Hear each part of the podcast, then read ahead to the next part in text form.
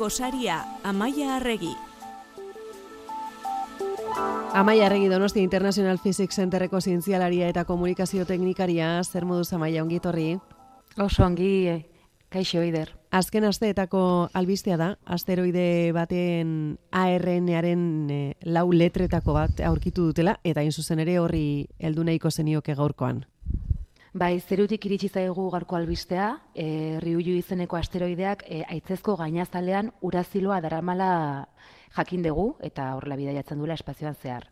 Uraziloa lurreko bizitza guztiaren oinarrian dagoen eh, ARNaren lau letra genetikoetako bat da, esan dezun bezala, eta imaginatuko dezutenez, e, aurkikuntza honek implikazio garrantzitsuak izan ditzake e, lurreko bizitzaren jatorraren inguruko aukerei dagokionez. Eta baita, unibertsoko beste zenbait okitan bizitzaren existentzaren inguruan ere. Zer da zehazki, e, amaia, aztertu dutena?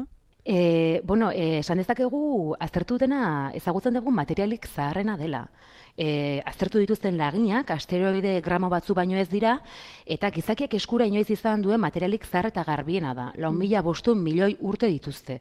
E, gara jartan e, gure eguzki sistema sortzen hasi zen.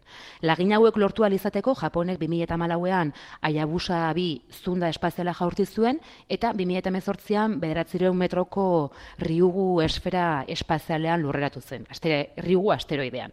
Asteroidea lurra eta marte artean e, orbitatzen dabil, ba, gugandik e, gutxi gora bera eumila kilometroko distantziara. Eta nola lortu dituzte, zehazki lagin horrek?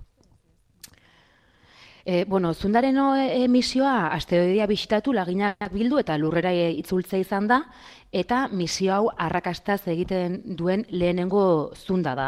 Zeren aiabusa bi baino lehen, e, aiabusa bat egon zen, eta bere aurreko misio izan zen, eta antzeko zerbait egin zuen, baina e, e, bueno, aldi hartan bisitatu zuen asteroidea itokaua izan zen, eta erauzitako lur kantitatea oso txikia izan zen. Beraz, bueno, e, e, orain gontan, rigura iristean, aiabusabik e, lurrazaleko lurra biltzeaz gain, ba, estanda txiki bat eragin zuen, eta, bueno, gainazala zulatzeko, eta, hola, e, bueno, ba, erraiak agerean e, geletu zian, eta barruko laginak bildu izan zituen e, 2008ko abenduan, e, kapsula blindatu batek gure at, e, atmosfera igorotzean jasaten den barruskadura bortitzak e, gainditu zituen, zeren hori ere puntu importante bat da, e, ba, esperimentu honen emaitza jasualizateko, eta bueno, ba, atmosfera zerkatu ondoren, azkenean Australiako egualdeko basamortu urrun batean erori zen.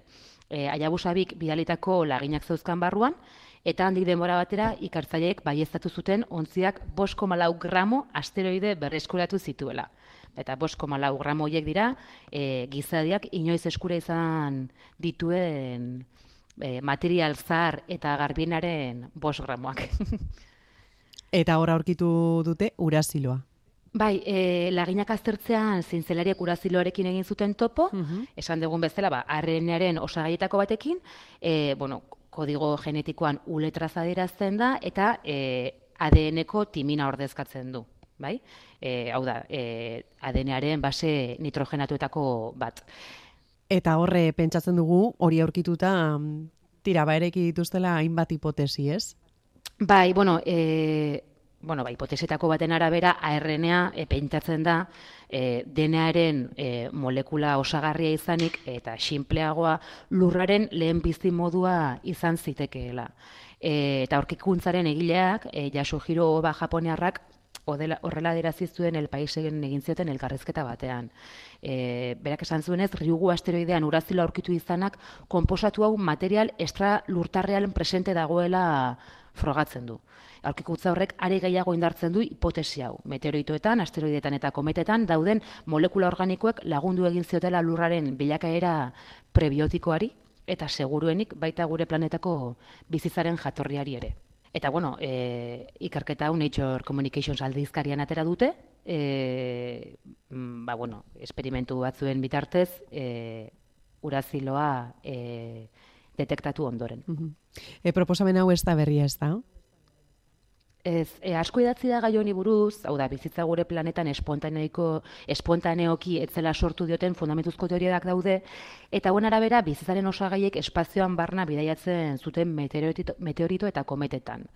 Eta onera iristean, duela irumila zazpiru milioi urte, baldintza egokitan kombinatu eta sukaldatu ziren nolabait esatearen. E, Javier San Pedro divulgatzaile zientifikoaren esanetan, e, emaitzauen arabera, e, materia inertetik bizitzaren evoluzioa fenomeno aman komuna izan diteke, edo liteke. Eta ez, excepzio bat e, pentsatu e, oiden bezala. E, beraz, e, horrek esan nahi du, katastrofeekin eta espezien desagertzearekin e, lotu ditugun meteoritoek bizitzaren dezaketela? Ba, bai, ba, hori dirudi, ze meteoritoek nahiko fama txarra duki orain arte, baina, bueno, igual e, etorkizunean egiten diren aurkikuntzekin fama hori aldatu daiteke, zeren agian, e, posiblea da, ba, hori, e, lurreko bizitzaren oinarrean meteoritoen erasoak edo, edo edo bai, e, lurrazaleko e, kolpeak egotea. Mm Ba, ikusiko dugu, eta segurenera hitze ingo dugu e, horri buruz ere, e, zientzia gozari honetan, e, orain, amaia, arnasa hartzeko, e, oporregun batzu badituzu? Bai, bai, bai. E, hemen dikiro egonera ja ordenada joetxi eta eta banoa porretan. Aize ondo ze beharrezkoak diren, eh? Hombre, noski baietz. Eta horren inguruan gainera aipamen bat egin nahi nizuen, zeren duela, jo, hilabete batzuk irakorri nuen e, ikerketa zientifiko nahiko bitxi edo isele horre bat, e, sesgo kognitiboen inguruan, bueno, badakigu denok ditugula sesgo kognitiboak, eta e, realitetik pixka bat, e, bueno, des, pixka bat edo asko desbideratzen diren e, percepzioak e, eragiten dizkigute, e, ba, horre daude sexismoa eta beste hainbat e, fenomeno, baina badirudi e, lan munduarekin zer ikusia duen sesgo, sesgo kognitiboak nahiko aman komuna dela. Eta sexugo kognitibo horren arabera, e, langile batek, lantalde baten barruan, pentsatu ohi du bestek baino lan gehiago egiten duela e, nik alde batetik pentsatzen dut igual e, fenomeno hau ba, e, superbibentzia estrategia bat dela, baina bueno, irakurri nuenean grazia handia egin zian eta nahiko rebelaldorea iruditu zitzaidan eta pentsatu arazizian da bueno, oporren atarian gauden hontan, ba bueno, jakita bestek ere guk pentsatzen duguna baina lan gehiago egin dutela e, aproposa iruditzen zait, ba denei e, opor zoriontxoak opatzeko. Eta ardezagula arnasa denok ere. Hori da, hori da, Ider. Ez gerrik asko amaia opor zoriontsuak. Berdi, entzuei, agur.